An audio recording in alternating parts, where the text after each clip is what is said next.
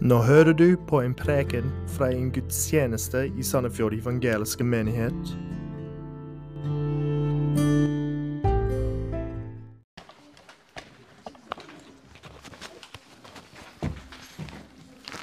But yeah, you may. Just don't pinch me.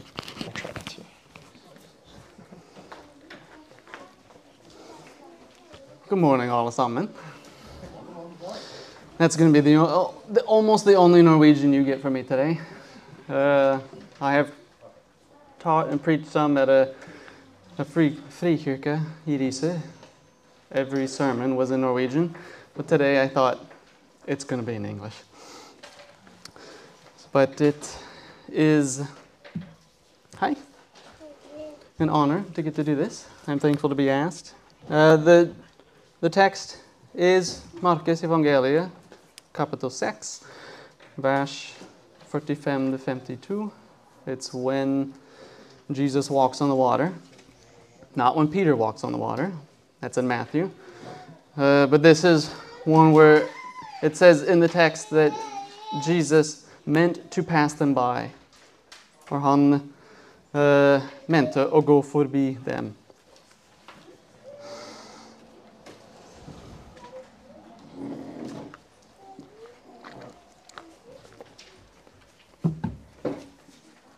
Let's do this. Okay. In 1991, the Andrea Gail, a commercial fishing vessel, was lost at sea after being caught in a hurricane. In the year 2000, a movie based on that event came out called The Perfect Storm. In the movie, the captain of this fishing vessel convinces his crew to join him for one more late season fishing adventure. But then, of course, uh, you don't have these here, but a Category 5 hurricane hits the ship with winds of 250 kilometer timen or more. The crew gave out their distress signal, and they were heard, but they could not be rescued. After many grueling hours of battling to stay alive in this massive storm, the ship was capsized by a very large rogue wave, and there were no survivors. While I hope that nobody here has been in any kind of storm like that, on a boat, on the water, I'm sure we've all experienced some kinds of storms and certainly difficulties and trials in our lives. Some might be major events, it could be a crime done against you, a death, a broken relationship, a serious illness. It could be a smaller storm that just seems to plague you. We as Christians, we are able to call out to God and pray, Help me, Lord. Save me from this storm. And we're frightened, tired, exhausted and worn down. We get weary because we have all the other daily tasks we must keep doing. Uncertain about what we should be doing. Now, sometimes we get a quick answer. Sometimes we cast our anxieties on the Lord, and He answers us, He gives us peace. Other times we get nothing, zero. And we wonder if God is actually listening at all. Does He care? Or maybe you feel like the Lord is what is called ghosting you. We all know what a ghost is a specter, a half invisible spirit, so they say. And they use the term ghosting as when a person who is a, a friend, a close relationship with you, maybe you're going through a hard time, and they just suddenly disappear. You don't hear from them, you reach out to them, they don't answer your phone calls or your messages or your emails or nothing. It's just like the friendship vanishes. We wonder where the encouragement is. Is Jesus actually going to do anything? Or worse, on top of all that, it might seem like he is just passing you by, ignoring you. You look at other people, their car works, they like their job, They have a good, their car works and it fits all the kids that they have. You know, you guys are working on that. We're, we're wondering, okay, when the next one comes, we need to get another car. Uh, they have a good relationship with their spouse. Their kids listen, seem to listen. They have friends who encourage them. Everything seems to be working when you look at their lives. And when you look at your own life, it seems like everything is not working. It could be one massive storm, it could just be, again, something that plagues you, and you have everything else you still need to take care of. You have to make sure things are good with the kids, with your spouse, things are good at work. You still have to think about dinner again. It seems as if Jesus is blessing anyone else you look at, except for you. In today's text, this is the second time in Mark uh, that the disciples are caught in a storm on the water. Now, in the first storm, Jesus was with the disciples. He was sleeping, but he was with them. This time, Jesus is not with them in the boat, they are on their own. So, how do they respond while Jesus is away? How do we respond when it seems like Jesus is away? What temptations do we feel? What kind of things call us to put our trust in them instead of in Jesus? So I'll go ahead and read through the text um, before I comment on it. In verse 45 Immediately he, being Jesus, made his disciples get into the boat and go before him to the other side, to Bethsaida, while he dismissed the crowd. And after he had taken leave of them, he went up on the mountain to pray. And when evening came, the boat was out on the sea, and he was alone on the land. And he saw that they were making headway painfully, for the wind was against them. And about the fourth watch of the night he came to them walking on the sea. He meant to pass by them. But when they saw him walking on the sea, they thought it was a ghost and cried out, for they all saw him and were terrified. But immediately he spoke to them and said, Take heart, it is I. Do not be afraid. And he got into the boat with them, and the wind ceased. And they were utterly astounded for they did not understand about the loaves, but their hearts were hardened. Mark begins his gospel, the very first verse of Mark's gospel says, The beginning of the gospel of Jesus Christ, the Son of God. Mark tells us immediately, right away, what he's writing about and who he's writing about. He's giving us the good news of the Son of God. Everything that Jesus does and says, he does and says as the Son of God. Jesus shows us what God's kingdom looks like through his teachings, his parables, his miracles, the way he serves others, through his compassion and his love. Now, just before this text here, in verses 31 to 44, I'll give a little bit of context. Jesus goes to a desolate place to be alone with his disciples. And then a massive crowd, a folkemengde, comes. He begins teaching them because he has compassion on these complete strangers because they were like sheep without a shepherd. His disciples didn't feel the same way about these people. They come up to Jesus they say, Hey man, teacher, it's getting late. We're hungry, they're hungry. Send them home. Let them buy their own food and eat. But Jesus has something that he wants to teach his disciples. So he miraculously feeds with loaves of bread, some fish. He feeds 5,000 people. 5,000 hungry sheep who have no shepherd on green grass, which sounds to me a bit like Psalm 23. This shepherd, this good king, this son of God, loves these sheep. But his own sheep, who don't seem to understand very much, are about to go through their own valley. So, how will they respond? Will they see Jesus for who he really is a good king shepherd? So, uh, going into our text, verse 45, immediately Jesus made his disciples get into the boat and go before him to the other side. They're going to cross the Sea of Galilee to Bethsaida while he dismissed the crowd. Now, within Mark's gospel, the crowds receive a lot of attention. They, if they can find Jesus, they go to him. He, he takes them in, he teaches them, he shows them his miracles, he does miracles on them, he heals them, he casts out demons, heals the dead. That said, the crowds are not his disciples.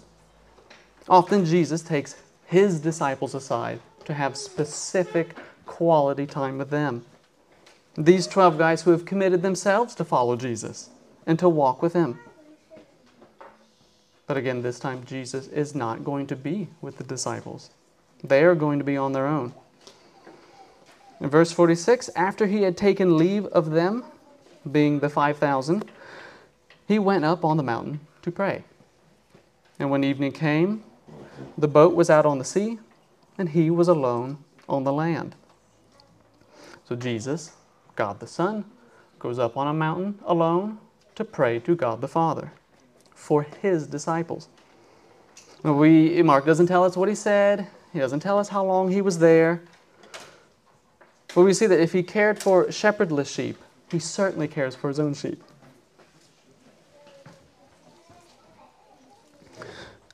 Now we read in verse 47 it is evening, so it's getting dark.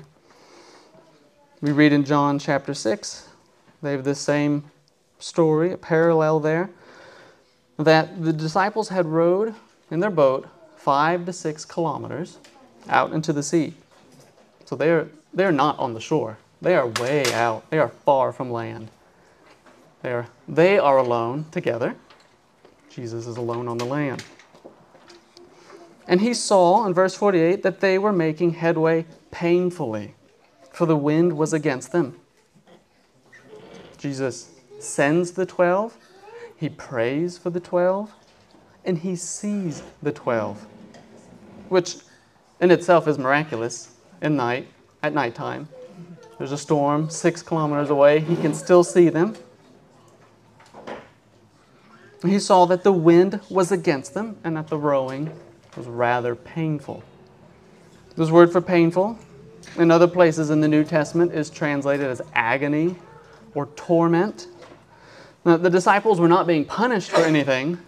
It was common for these kinds of storms, I think it was a windstorm, to take place on the Sea of Galilee. This is just as a result of being on the sea at the wrong time. They're caught in this storm, and it is painful in Matthew's account, he tells us that the, the disciples were beaten by the waves. Have you ever felt beaten by life? When we go through trials, they often go slowly. It's not often a one day thing. Maybe your car breaks down, you can fix it in a day. But often things take a lot of time. You go trig. Hopefully that Trege. Trege. Sign. um, we get worn down, wondering if it will ever end. But we can see here, Jesus sees you. And we know He's in heaven at the right hand of God, praying for us. He knows what's going on. And as we're going to see, He's going to do more than just see us and pray for us. In verse 48, and about the fourth watch of the night, he came to them walking on the sea. We aren't told at exactly what hour the disciples began, but evening would have begun around 6 o'clock in the evening, klokka 18. And now Jesus comes to them at the fourth watch of the night. The Romans divided the night into three hour blocks of time, so the fourth watch would have been from 3 to 6 in the morning. Which means that from klokka 18 til klokka 3, 4, 5, the disciples have been out on the water. So for what? Six, nine hours? They've been rowing on the water in this storm, getting nowhere. Jesus saw them and he let them struggle. He let them fight for their lives for hours in this storm.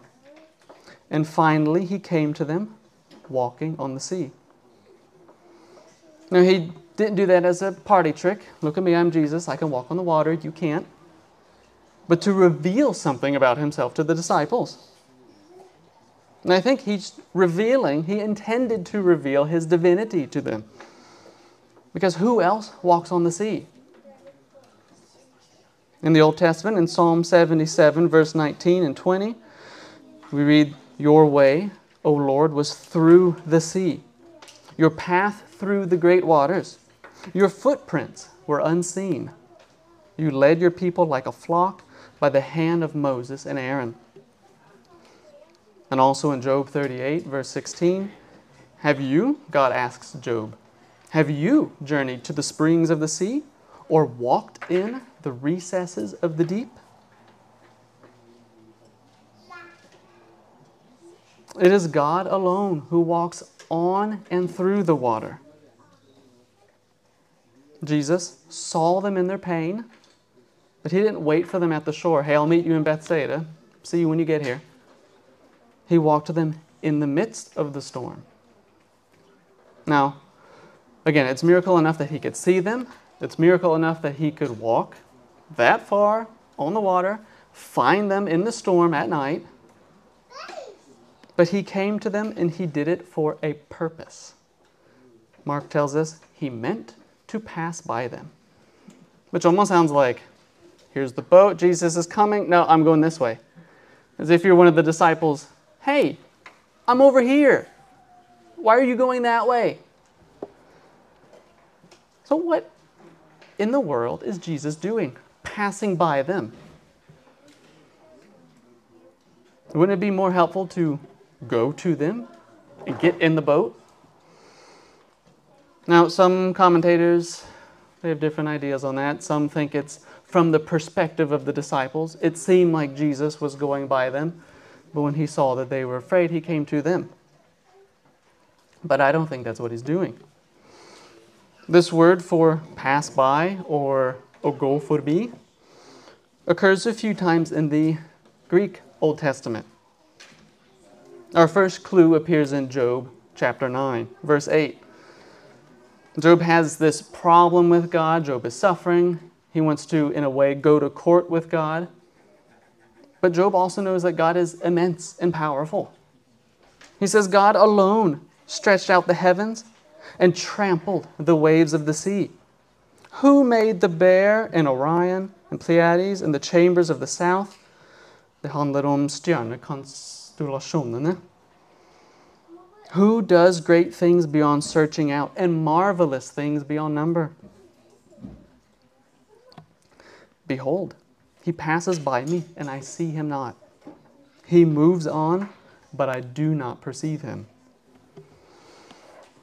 Now, having already read through this text in Markus, we see that we read that the disciples think that Jesus is a ghost when they see him, and at the end of the text, it says that their hearts are hardened.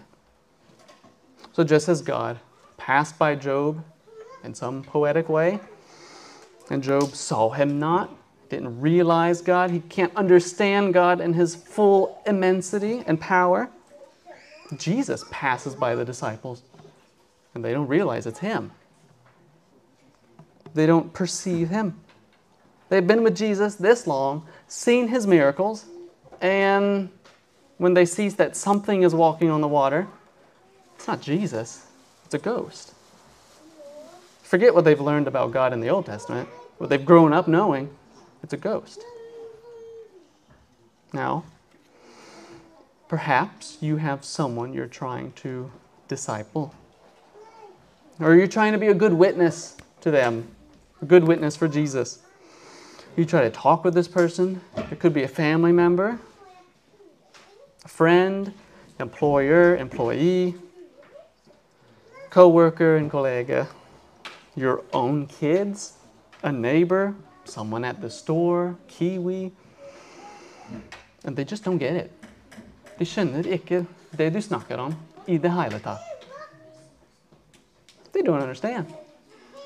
Maybe they don't want to understand at all. They have no desire to hear anything about Jesus. And you're trying to show them Jesus, but they don't see him the way that you do. They're blind, they're deaf to Jesus. And so, of course, it's frustrating and difficult and awkward to bring up this topic that they don't want to hear about. But it shouldn't be surprising. Jesus is walking in the Jesus, God the Son, is walking in the footsteps of God the Father on the water. And these 12 Jews who grew up hearing the Old Testament don't understand it. But there is another clue to this scene, which uh, today we read Andre Mosebok 35. So that means that you have gone through kapitel 33 or 34. In those chapters, Moses asks God, he begins to intercede for Israel. They made a golden calf, sinned. So Moses begins to intercede for them. Say, Lord, please don't judge them. And then in verse 18 of chapter 33, Moses says, Please show me your glory. And God said, I will make all my goodness pass before you and will proclaim before you my name, the Lord. And I will be gracious to whom I will be gracious, and I will show mercy on whom I will show mercy. In chapter 34, verse 5, it says, The Lord descended in the cloud and stood with Moses there and proclaimed the name of the Lord. The Lord passed before him and proclaimed, The Lord, the Lord, a God merciful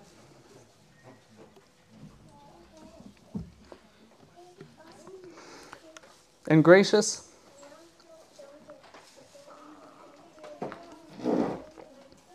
Slow to anger, abounding instead. Steadfast love and faithfulness, keeping steadfast love for thousands.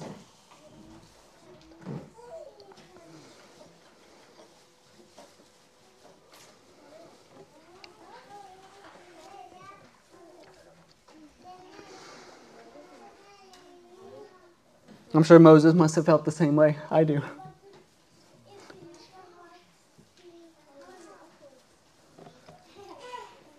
When he wrote this down.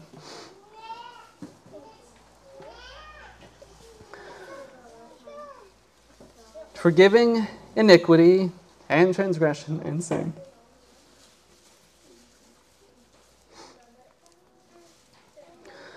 But who will by no means clear the guilty? So Jesus has come to the disciples in their moment of despair to show them who he truly is, to pass by them. So they see that he, in the beginning of chapter 6, he's rejected by his own hometown. We read in chapter 3, he's pretty much thought crazy by his family. A great crowd comes around him and they come to take him away because they think he's out of his mind. Jesus gives a sort of saying in the beginning of chapter 6 that a prophet is not without honor in his own hometown. He gets no honor, and from his own family. But he is not just a prophet. He is a God who is merciful and gracious and slow to anger.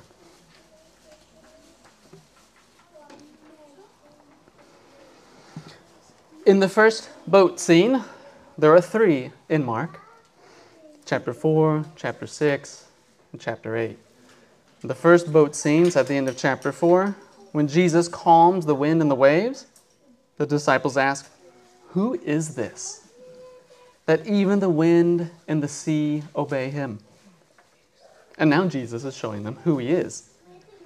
One writer notes, The God of Israel, majestic and awesome, but unknowable face to face, is now passing by believers in Jesus of Nazareth. Jesus is walking on the water to his disciples is a revelation of the glory that he shares with the Father and the compassion that he extends to his disciples. It is an answer to their earlier confusion when he calmed the storm and they asked, Who is this? Now, it is disappointing and again frustrating and awkward to be dismissed or ignored or made fun of by others when we try to tell them and talk to them about Jesus. They see how we live and they hear what we like to talk about. And unfortunately, they see that we are not perfect. And we shouldn't be surprised that people don't respond immediately to the gospel when they hear us talking about the gospel because they do see our imperfect lives. Jesus was perfect. The 12 had been with Jesus for some, some time now, seen his miracles, and yet they could not see the divine God man in front of them. So, what did they see? Well, in verse 49, Mark writes, But when they saw him walking on the sea, they thought it was a ghost and cried out, for they all saw him, not just one of them, all 12 of them, and they were terrified. Now, that fits with what people, the original audience, people Mark wrote to, would expect with the appearance of a ghost. The disciples see a figure walking in the water in the middle of the night. Perhaps, since it's somewhere between 3 and 6 in the morning, before the sun has come up, but maybe the first bit of light has come up, so they can actually see there's a figure there. And this figure strikes fear in their hearts. They are terrified. So it makes sense that the, that the disciples thought that Jesus was a ghost. They couldn't really see him, they're afraid. Except for one minor detail that we don't know about. In this time, it was a common belief that ghosts did not, could not walk on water. Now, I won't give any specific examples, but there are Greek, Latin stories that show this the Iliad, the Odyssey, the Aeneid. There was a common belief that water was hazardous, devafarli, for ghosts. So the sea, any body of water, is not where a ghost would go to take a midnight stroll, early morning walk, a little jog to get in shape. It's not going to happen. Now, this is would be kind of like if you go to work and someone says, There's food in my fridge and it's just disappearing. I don't know where it's going. I think there's a ghost in my house. Now, you may not believe in ghosts. You may not have read any kind of scientific articles on the dietary habits of ghosts and what they like to eat. But if someone told you that, you'd say, It's a ghost. They don't eat food, it's a spirit. They don't have bodies. A ghost is not eating the food in your fridge, man. And back in this time, everyone knew that ghosts did not walk on water. So, why is this important? Because Mark writes, But when they saw him walking on the sea, they thought it was a ghost and cried out. So, Jesus is going to pass by them to show them his divine identity. But instead, the disciples think that Jesus is a ghost when Jesus is doing the one thing that ghosts cannot do. They, they didn't just miss what Jesus was doing. It's not that they couldn't say it was too dark. They completely missed the point. To, to the point that all 12 of them, what they thought was ridiculous. If they said that to anyone, they would have been laughed at. We can think about all those poor people in our lives that we try to talk to, or evangelize, or disciple, or we spend time with, and we think these poor people, they just don't get it. They're just blind. But how often, really, do we not get it? How often do we not see what God is doing in our lives? Or maybe even worse, do we not even think, He's not doing anything? He's gone. It's not that I don't see it, He's not doing anything in my life. Often Christ may pass by our lives in ways that we just fail to see. So, how do we, or how can we, what can we do to see His glory and His work in our lives while we struggle daily? We don't often, usually, immediately see what God is doing. And maybe our problem that we have a hard time slowing down to listen. We might be busy listening to other voices, our own voice, instead of Christ's voice in the Bible. We might just be tired and weary. We'd rather turn on Netflix and binge. Kids are asleep. Now I have free time. Okay, let's just sit back, not worry about anything for a few hours. We need texts like James chapter 1. Count it all joy, my brothers, when you meet trials of various kinds, for you know that the, you know, he says, that the testing of your faith produces steadfastness.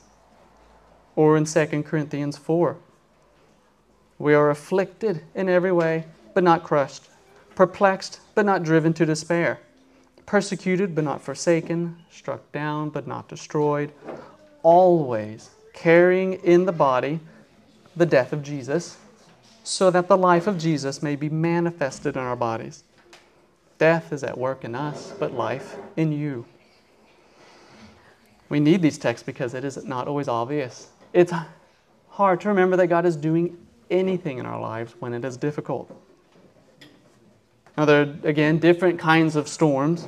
It can be debt, great debt, difficulty in finding a job, the death of a loved one, the death of a relationship, severe illness. Pain and suffering disrupts our world, not just everyone, but it disrupts our own world. We go home, we go to work, we come home we think today's going to be a good day, and then something happens out of nowhere. We're confused, we're hurting, and when we're hurting, life feels chaotic. It feels everywhere. We don't have a grasp on anything. But one thing we can know, one the way that we can locate ourselves and know this is where I'm at, is that we are in Christ. When life is chaotic, we know where we are. We are in Christ's story of his death and resurrection. We know there's a resurrection at the end, but there are many small deaths and small resurrections where he transforms us into his image. So, getting to verse 50, the disciples completely missed what Jesus is doing, and even that the person, the thing that they saw was Jesus. And how does Jesus respond? Immediately he spoke to them and said, Take heart, it is I. Do not be afraid. Now, one thing I think is important is notice what Jesus does not say. He doesn't say what we might expect him to say to us. He doesn't go up to them and say, You fools, it's me, Jesus, the Son of God. Does it say, seriously, I come out to you in the storm, show you my glory, and you think I'm a ghost? They don't even walk on water. Do you even listen when I teach you? No, he doesn't say anything like that. That's what I want to say. Often. He says, he says three different things, and he quotes the Old Testament every time. He says things that God says. Take heart, it is I, do not be afraid. Take heart would be have courage. It's a bit the same as do not be afraid. We read this in Isaiah 41 Fear not, for I am with you. Be not dismayed, for I am your God. Just like we sang today. I will strengthen you, I will help you. I will uphold you with my righteous right hand. He says, It is I, which in Greek is also I am like when God revealed himself to Moses at the burning bush, said, I am that I am. Now, there are many scholars and commentators, good commentators, who think that Jesus isn't saying, I am. They say that up to now in Mark, Jesus hasn't gone and said, Hey, I'm God. Look at me. And so they think it would be strange for him to do that here. And uh, for all intents and purposes, for all reasons, they, they could be right. That Greek does mean, It is I. Here I am. It's me. Hey guys, don't worry. It's me. It's Jesus. I'm not a ghost. But we've just seen that Jesus walks on water like God. He passes by the 12 like what God did, to Job, some poetic way, to Moses, to Elijah, 1 Kings 19 on Mount Horeb. I think that Jesus is announcing, I am. But the disciples are just as deaf as they are blind. Now, they don't really hear what Jesus is saying. And he says, Do not be afraid, which in Isaiah 43, we read, Fear not, for I have redeemed you. I have called you by name. You are mine. When you pass through the waters, I will be with you, and through the rivers, they shall not overwhelm you. Jesus has passed by to show his disciples his true identity that, like God, as God, he is merciful and gracious, and he shows it again through his comforting, gracious words.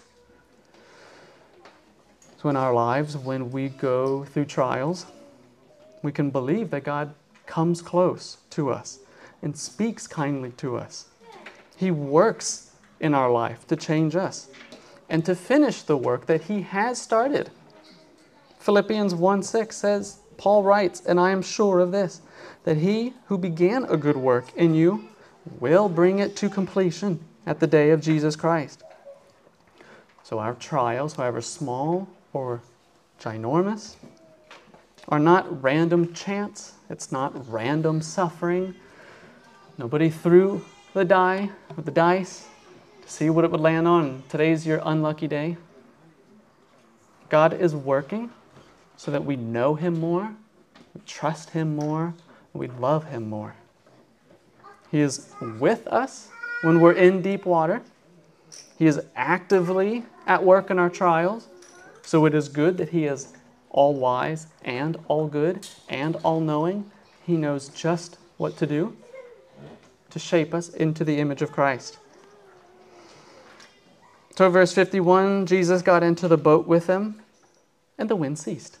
It stopped, and they were utterly astounded. Now, they've seen that before. End of chapter 4, Jesus calms the water. He does it again. They just don't understand.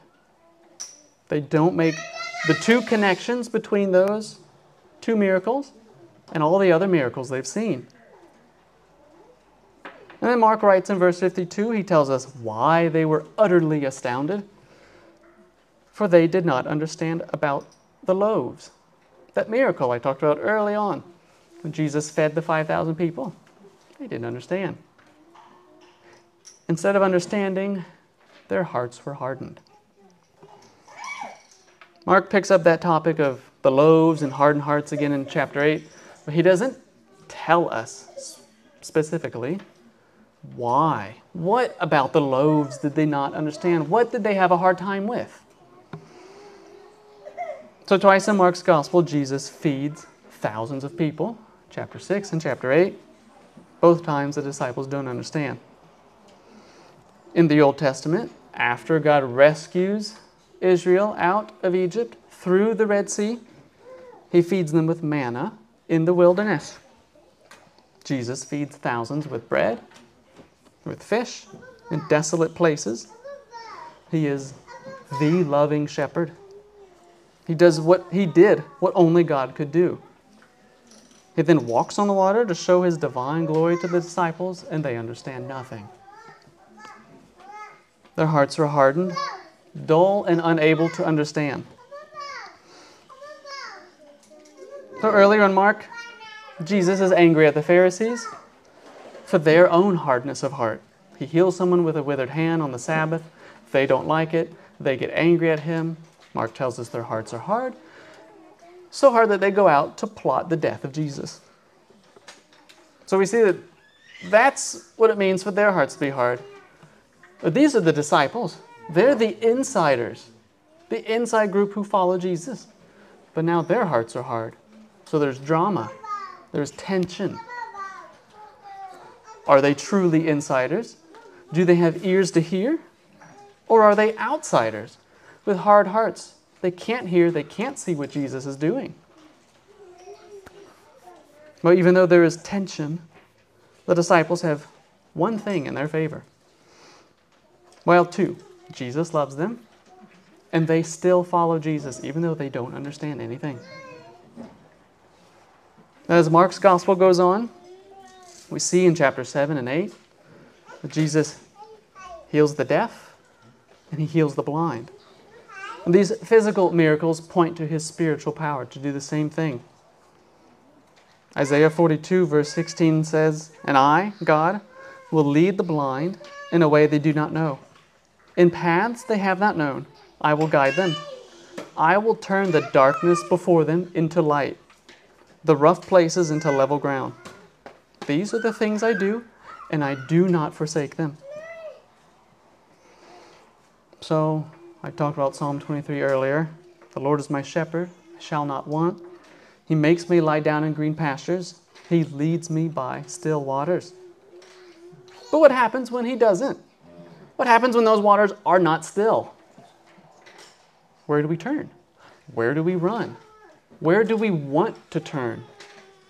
Maybe we go to church on Sunday, we, we do the motions, we read our Bible, we try to understand, but where does our heart really want to go? Does it want more money? Want just to escape? Does it want comfort? I want all those things.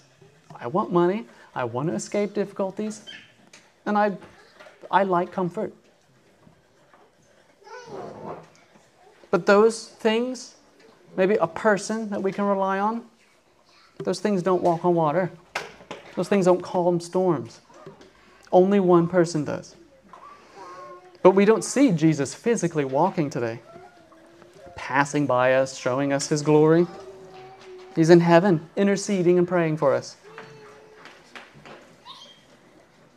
But while the disciples didn't see what Jesus was doing, we have seen and heard of God's kindness in a fuller way. Jesus' own death on the cross and his resurrection to new life. The text we read earlier from Exodus, the Lord, the Lord, a God merciful and gracious, slow to anger, I ended with, but who will by no means clear the guilty? That's not a very encouraging part because all of us are guilty. We were all deaf and blind and hard hearted like the disciples. Could not, cannot keep God's law, His instructions, His standards, His perfection, His requirements. And according to His law, He can't clear us. But there was one who fulfilled that law. The Son of God who lived perfectly and through his death on the cross, our guilt is cleared, it is washed away. And that is the good news of Jesus, the Son of God. It is on the cross that we see God's kindness and mercy and faithfulness to his promises, keeping steadfast love for thousands, forgiving iniquity and transgression and sin. So even when his disciples understood nothing, Jesus continued with them. He didn't leave them or forsake them. And when we are frustrated and embarrassed, feel awkward over the lack of understanding and response when we try to share Jesus with people, family, our own kids, we can look to Jesus and remember. We see what He's done in our own lives. We see how He's healed our hearts, given us soft hearts, healed our eyes and our ears, and we can pray knowing He cares for sheep who don't have a shepherd, and that He can and will heal their eyes, heal their ears, soften their hearts, and bring them to Him. Amen.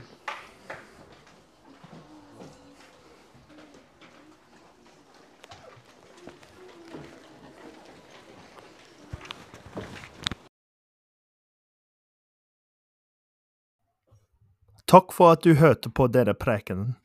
Ønsker du mer informasjon, besøk sandefjordevangeliske.no eller vår Facebook-side Sandefjord evangeliske menighet.